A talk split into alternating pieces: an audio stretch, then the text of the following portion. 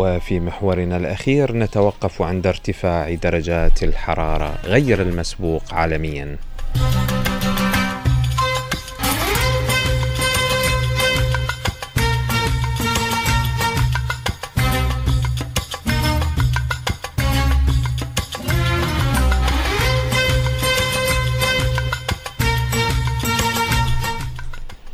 طبعا إحنا يعني ما نتحدث عن درجات الحرارة في البصرة بصراحة الآن أتحدث معاكم ودرجة الحرارة تفوق ال 44 درجة مئوية وإحنا نتحدث عن وقت المساء يعني الذي من المفروض أن تنخفض فيه درجات الحرارة بشكل كبير ولكن كيف تنخفض؟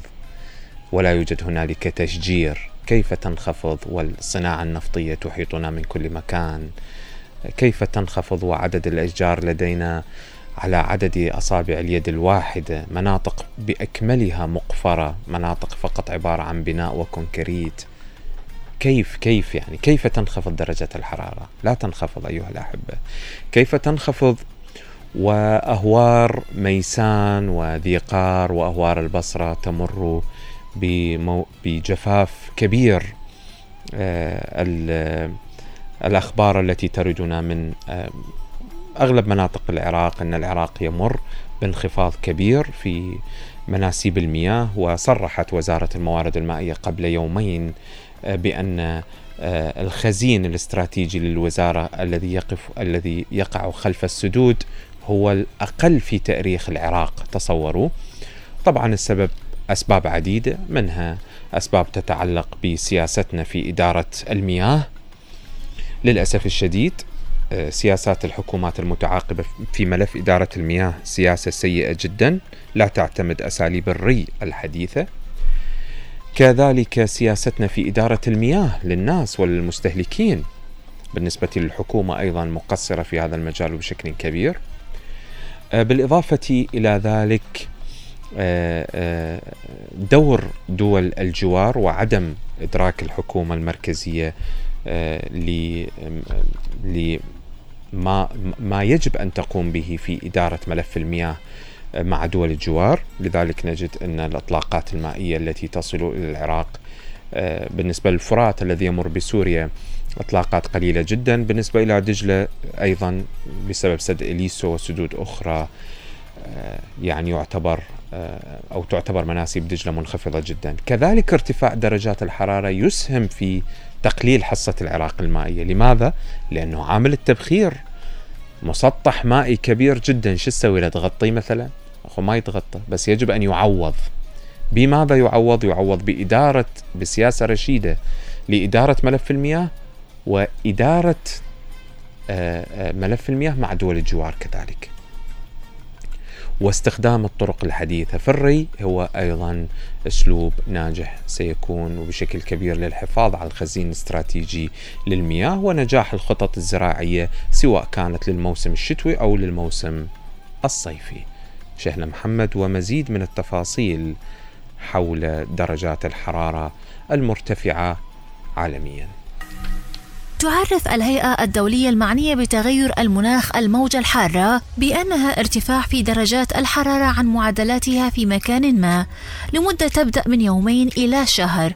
وإذا كانت درجات الحرارة أعلى من معدلاتها بسبع درجات مئوية أو أعلى فعادة ما تسمى موجة حر شديدة. ويعني ذلك أن الموجة الحارة في دولة ما ربما لا تكون موجة حارة في أخرى.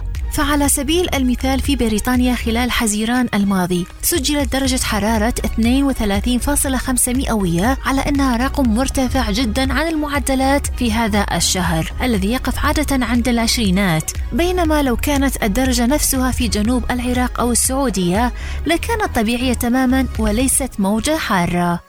تحدث الموجات الحارة بسبب تأثر منطقة ما بمرتفع جوي يعلوها عن مسافة تصل إلى ما بين 3000 و 7500 متر. ولفهم الفكرة تخيل أن الضغط في المرتفع الجوي يشبه حملا ثقيلا جدا من الحديد يضغط على شخص يحمله.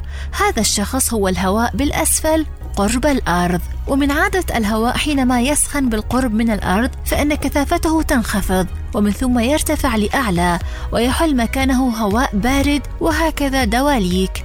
لكن في حالة الموجة الحارة فإن الضغط الشديد من الأعلى يمنع الهواء الواقع بالقرب من سطح الأرض من الارتفاع للأعلى فتزيد درجة حرارته. أضف إلى ذلك أن منطقة الضغط المرتفع تمثل ما يشبه العازل الذي يمنع الهواء البارد خارجها من الدخول إليها بل يدور حولها مما يمنع من تهدئة درجة الحرارة في منطقة الموجة الحارة فترتفع درجة الحرارة. لهذا السبب أيضا بمعدلات أكبر.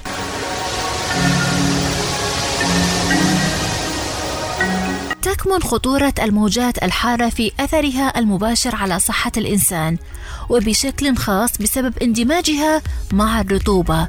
فمع ارتفاع الرطوبة تكون درجات الحرارة الأقل أكثر تأثيرا ويشرح ما يسمى مؤشر الحرارة ذلك الأثر بالجمع بين درجة حرارة الهواء والرطوبة النسبية. في محاولة لتحديد درجة الحرارة التي يشعر بها الإنسان حقا وعلى سبيل المثال قد تعلن الهيئات المختصة بالطقس في دولتك أن درجة الحرارة اليوم هي 38 مئوية وتضيف أنك ستشعر بها وكأنها 42 مئوية. هذا الفارق يمثل تأثير الرطوبة على رفع الشعور بالحرارة. وحسب هذا المؤشر فإن الشعور بدرجة حرارة من 27 إلى 32 درجة مئوية يعني ضرورة الحذر. فمن الممكن أن يرهق الإنسان مع التعرض لفترات طويلة للشمس بشكل مباشر. وإذا وصلت درجة الحرارة إلى 41 مئوية فقد تحدث تقلصات حرارية. وربما يصاب الشخص بإجهاد حراري مع استمراره في التعرض للشمس بشكل مباشر. ويعرف الإجهاد الحراري بأنه عدم قدرة الجسم على التكيف مع ارتفاع الحرارة وبالتبعية لا يتمكن من تبريد نفسه.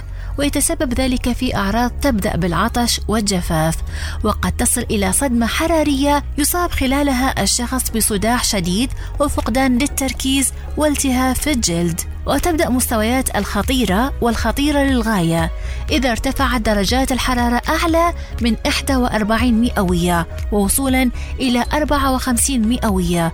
وفي هذه الحالة يكون من الخطير جدا التعرض للشمس بشكل مستمر إذ يمكن أن يتطور الإجهاد الحراري إلى مستويات تدخل في مرحلة فقدان كامل للوعي مع اختلاجات قد تؤدي للوفاة في النهاية.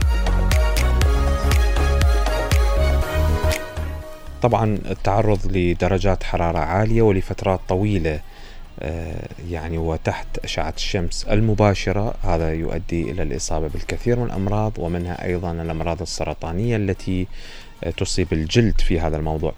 آه، يعني هذه بشكل عام يعني توصيات كيفية التعامل مع ارتفاع درجات الحرارة وبهذا الشكل مهول ولكن بشكل أو بآخر يمكن التعامل مع ارتفاع درجات الحرارة آه، من خلال لبس آه، أي شيء يقيك من أشعة الشمس المباشرة القبعة أو الكب أو أي شيء آخر. وكذلك استخدام واقيات الشمس وكذلك آه، يعني عدم التعرض أو الوقوف تحت أشعة الشمس لوقت طويل محاولة إنجاز ما يمكن إنجازه بالصباح الباكر. يعني هذه مجرد توصيات وإلا فإن الكثير من الناس تجبرهم أعمالهم اليومية آه، يعني الله يكون بعونهم طبعا لأن يكونوا آه، بشكل لأن يتعاملوا بشكل مباشر تحت أشعة الشمس آه، وتحت درجات الحرارة العالية.